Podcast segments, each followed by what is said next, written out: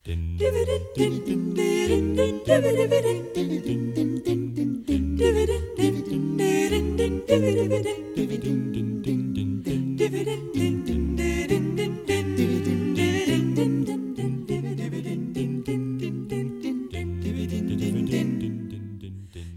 klukkan er nýju hér á Akureyri og ég er komin í göngugötuna.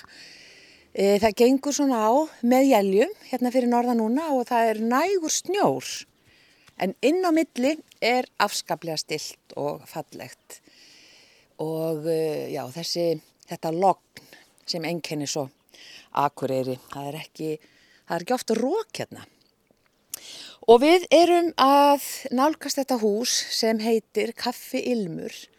Það er gullt, eh, stendur tygnalegt hér í skátagilinu miðju og margir kannast við þetta kaffihús og hafa átt hér góða stund en núna er það lokað, það er lokað yfir vetartíman, opnar á sumurinn. Og ef þið heyrið vel þá heyrið þið hér í Akureyra kirkju, hér ringja kirkjuklukkurnar. En inn á Kaffi Ilm og þar býða mín Þórhildur Þórhalsdóttir og Ingi Björg Bjarnadóttir. Ég er bara að dusta með snjóin. Góðan dag. Mikið er nú gott að komast inn í, inn í hlýjuna. Og húsið er nú bara hlýtt og gott og að sé loka hér yfir, yfir vetartíman, Ingi Björg. Heyrðu já, sæl og bara velkomin í Ingimas hús og Kaffi Ilm. Já, þetta heitir Ingimas hús. Húsið heitir Ingimas hús, já. Og þetta hús sem þú ert komin í, það er rétt rúmlega 100 ára gamalt. Og uh, svona ef við langar að vita eitthvað um hvað hér hefur gerst, Já, þá, endilega. þá uh, byggðu afi minn og amma þetta hús, ég er í húsið um afa. Já. Og þau byggja þetta hús í kringu 1917. Þetta er ekki stórt en þetta er svona með fyrstu steinsteftu húsunum á Akureyri sem voru steftu upp úr og niður úr. Og þetta er elsta húsið hérna í miðbæ Akureyrar í dag. Afi var, eh, afi var eh, söðlasmiður og var með verkstæði hérna niður í það sem að kaffihúsið er.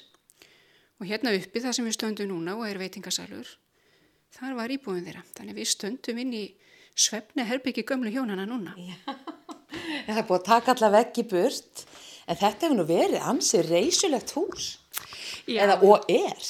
Já, já, þetta var það en samt sko stuttu setna, svona tíu árun setna, þá koma greinlega einhverju peningar inn í bæin því að þá fara menn að byggja mikið stærra. Þannig að húsið þeirra var nú kannski ekki stórt í samanburði við mörg önnur sem voru byggði kringu 1930. Hvort það var síldargróði eða hvað, ég held það nú að þá eru hérna upp á brekkunni komin stór og myndali hús bara stuttu setna. Já. En ég held þetta væri timburhús, en þetta er steinhús. Þetta er nefnilega steift uppur og niður úr en við stöndum á gamla timburgólfinu, þetta er bara uppurnalega gólfið þeirra. Já. Hérna var amma mín að sópa gólfið fyrir einhverjum 80 árum síðan eða, eða já, nei, 100 árum síðan, Já. það er ekkert annað. Manstu vel eftir þér í húsinu? Nei, ég nefnilega sko fóruðra mínu byggu hérna og voru með sitt bú til 1964 en ég fæðist 1966 þannig að ég fekk ekki að vera með það alast upp hérna en ég er orðið mjög tengt húsinu því að ég er búin að vera að labba hér um gólfi í síðustu tíu árin. Þannig að erðaefni flæðir enn í húsinu. Það er nú mjög notalegt. Já, já, það er búin að vera mjög notalegt og hugurinn fer aftur í tíman og, og maður fer að hugsa til þess hvernig lífi var Já. inn í svona stað, var hlýtt hjá þeim, eh, hvernig gekk allt fyrir sig, maður hefur heyrt sögur, pappi satt við gluggan hérna og horfið á mömmu sína að fara með hvítan skiluklúti eins og allar konur gerðu til að fara í síldina og afi hefur farið niður á verkstæðin sitt, hann var bólstrari líka. Þannig að það er voðalega auðvelt og búið að vera gaman og notalegt að ganga hérna um og, og svo vera hjá þeim í anda. Já. Heldur þau hefðu trúað því að, að þú ættir eftir að reyka kaffihús í húsinu þeirra? Eh, Öruglega ekki. Þau deyja bæði í kringu 1930 þannig að þau vissu lítið hvað þeir þið 2012 þegar við opnum húsið okkar. En ég hugsa nú stundum, vonandi hefðu þau orðið bara ánægð og stolt. Já. Og ég eh, virði minningu þeirra hérna, ég er með myndir upp á vekkjum. Já, skoðum þær aðeins einmitt. Hérna eru nokkra myndir upp á veggjum og hérna, þær eru gamlar, svartkvítar eða svona brúnkvítar.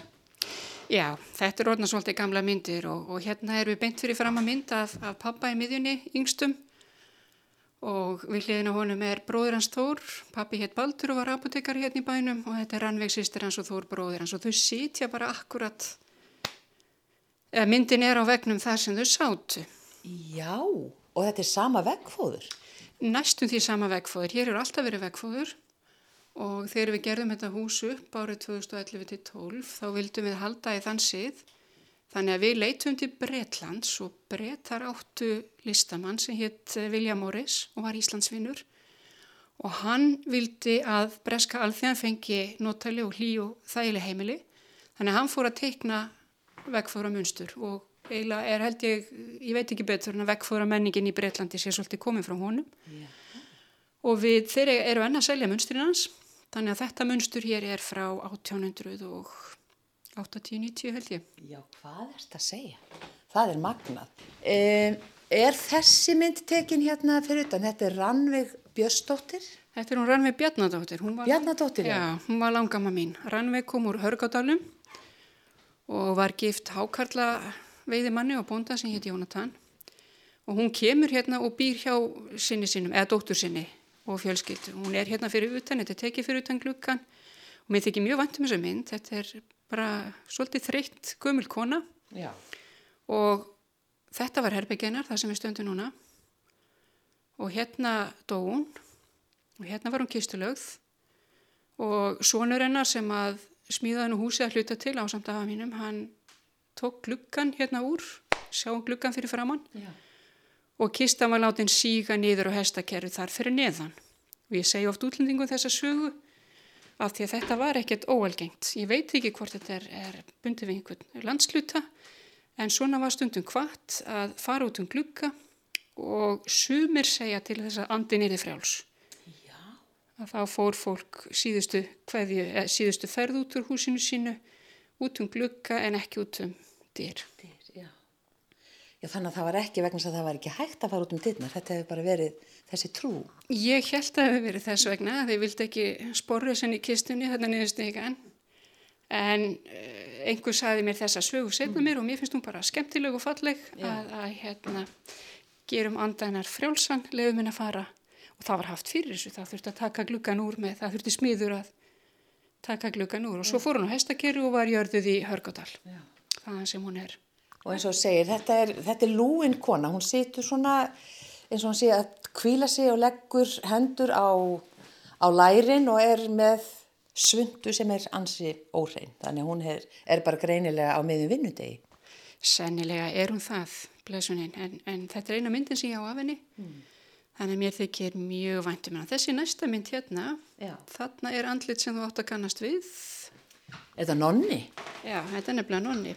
Þetta hús, þetta hús er hérna, eða var hérna fyrir neðan, þetta hús er enþá til, það er bara búið að flytja nýri ránagötu, en þetta hús var banki. Ég held hann hafi heitið Íslandsbanki. Já, þetta er semst Jón Sveinsson fyrir þá sem ekki vita, Já. nonni. Þarna stendur nonni og kallarnir fyrir framann eru mjög skemmtilegir, svona bændur sem hafa farið punta sig og snýrt skeggi grinnlega. Já. Eru komnir í bæinn en hann kom hérna í kringu 1930 þegar var gerður að heiðusborgara akkurirar. Já, þannig að þeir eru bara þarna nátali af honum í röð. Já, mér sýnist það. Mm. Þetta er allt myndir úr sem sagt sapni ömubróðum mín sem bjó hérna líka. Já. Tók mikið að myndum. Nú að því að kaffihúsið ykkar er tíu ára gamalt og uh, margir sem hinga hafa komið, þeir minnast eða sem sagt, já, minnast vafla og alls konar terta og, og þetta er svona eins og að fara aftur í tíman og fá svona þessa nallþóru sem voru miklu algengari heima hjá fólki þá og kaffi, hlaðborð og alls konar svona þannig að þið hefði svolítið haldið í þennan þjóðlega bakstur þórildur og það er náttúrulega kannski partur af því að vera í svona gamlu húsi. Já, það skiptir nú bara mjög miklu að að hafa náttúrulega veitingar bæði sem fólki hérna, líka náttúrulega eðlilega mm. og að vera með svona gamalt hérna og við eiginlega gáðum ekki hugsa okkur að hætta með það sko. Það er hérna, við erum náttúrulega með sóðubröð sem við bökum oftast sjálfar en þegar að brjálað er að gera þá förum við í bakariðin og náum okkur í en, En uh, við vorum búin að finna okkur mjög góða uppskrift og verum rosalega stoltar að því sóðibröði sem við gerum. Já, og það er auðvitað, þetta er allt leinu uppskriftir, er það ekki? Jú, jú, auðvitað er það. Það er hérna, eru hérna í bókinni og bókin fer ekkert. Er það þessi bók? Já. Gormabókin? Já, þessi fína bók hérna. Já. En við, nei, nei, þetta er svo sem ekki endilega leinu uppskrift en hérna við svona, sumir er að setja skýr í svoðubröð, aðri setja súrmjólk og, og blanda súrmjólk og mjólk og sumir blanda skýr og súrmjólk og við erum búin að finna akkurat hvað við viljum hafa af blöytefnum í okkar svoðubröði og það er náttúrulega auðvitað. Og þú segir, þú segir soð, soðibrauð, ég segir soðbrauð, er það eh, svona ferða eftir hvað maður er á landinu, hvað maður kallar þetta og kannski hvað er í því? Já, ég hugsa það að hérna, já við köllum þetta alltaf soðubrauð en við heyrum náttúrulega alveg hérna niðri þegar að fólk kemur og byður um soðbrauð og hérna og margir náttúrulega þekki þetta ekki. Ég er nú alveg upp á vestfjörðum og já, þetta var, við fengum þetta af og til sko en þetta var ekki algengt en þar var náttúrulega algengar að Hveitikökunar. Já, kveitikökunar er náttúrulega svolítið annað en, en partar, þeir eru svona djúbstektir líka sko, eins og soðubröði og þeir voru kannski svona meira algengir þar. Og kallaðir partar. Já, og kallaði partar. Þeir eru náttúrulega ekki, það er ekki alveg sama í þeim og í soðubröðinu. Það það er til dæmis heilkveiti í þeim sem er ekki í soðubröðinu. Nei. Útlendingar eru rosalega hrifnir af þessu sko, við náttúrulega segjum þeim að þetta sé svona tradisjonal Já. og hérna og að fá svona með hangikjöti eða reyktum sílunga eða reyktum lags þeir eru alveg bara að elska þetta sko. Og, og Íslendingurinn náttúrulega líka sko hérna, já En er eitthvað sem hægt er að kalla norlenskan svona sérbakstur fyrir utan soðið brauð? Er, er, það, er eitthvað sem er einkennandi fyrir þennan landsluta? Eitthvað í, í þingu eða sveitinni sem er kannski eitthvað öðruvísi en... Já, ég veit allavega að uh, þar er bakað svona þundu soði brauð sem er kallað þar steikt brauð og það er svona, það er náttúrulega þykkara en laufabrauð en hérna er mjög gott líka en það er náttúrulega skrítið með soðibrauði að það sé ekki kallað steikt brauð því að það er náttúrulega djúbsteikt að hérna, við erum með djúbsteikt soðibrauð þannig hérna, þannig að það er svolítið spes. Já. Og kanilterta, það er nú uh, svona eitthvað sem margir kannast við og er svona þjóðuleg, myndi flokkast undir þjóðulegan bakstur. Uh, Það er ekki margir sem treysta sér í þann bakstur. Er, er hann snúin? Nei, kanilkaka. Já, þú seg- já, Ég segi kanilkaka, þú segi kanilterta. Hún er nefnilega alls ekki flókin og þetta er rosalega auðveldu uppskrift en þetta er bara að koma sér á stað í hana sko og hún er eins og við höfum hana. Við erum með hana með fimm botnum en margir hafa sjö átta lög sko og þá eru þau náttúrulega þinnri aðeins. En hérna, uh, sko þeir sem að vesla sér kanelköku, þeir koma yfirleitt líta í kökuborðið og, og segja bara, mm, það kemur yfirleitt alltaf, mmm, þetta er alveg eins og mamma gerði eða mmm, þetta er eins og amma gerði. Og hérna, ég ætl sko að fá kanelköku. En við erum með hana hérna, með, eins og ég segi, með fimm lögum og súkulaði ofan á, sumi setja súkulaði spæni í rjóman, í lögin og milli og En við höfum nú verið með hérna unga stelpur að baka fyrir okkur, bara kennu þeim handbröðin og hérna þeim finnst þetta ekkert mála að smyrja á smjörpappir kanelköku. Já. Já, þú smyrð hana á smjörpappi, það er ekkert form. Nei, við bara teiknum ringa á smjörpappir Já. og hérna smyrjum út með pönnukökusbað. Þannig að við erum bísna fljótar að þessu orðið þegar að hérna. Og svo erum við náttúrulega með perutertuna Já, líka. ég ætla einmitt að segja að það er svona ykkar eiginlega aðalsmerki, það er perutertan. Já, hún er náttúrulega svampbotnar og marens á milli og fullt af niður svonum perum og, og hérna rjómi og súkulaði í rjómanum. Og hérna svona uppskrift af perutertu er náttúrulega þeitt egg og brætt súkulaði út í það og svo það allt út í rjóman. Við svindlum nú aðeins á þessu og hérna gerum okkar uppskrift af þessu sem að hendar vel fyrir kaffihúsið og hérna Sleppiði það ekki honum? sleppum ekki honum. Ég vissi það. Já, já, og, en uh, hún er alls ekki síðri og Það þarf ekkert ekkin í rauninni. nei, alls ekki sko, en maður er með bara gott súkulaði út í þetta.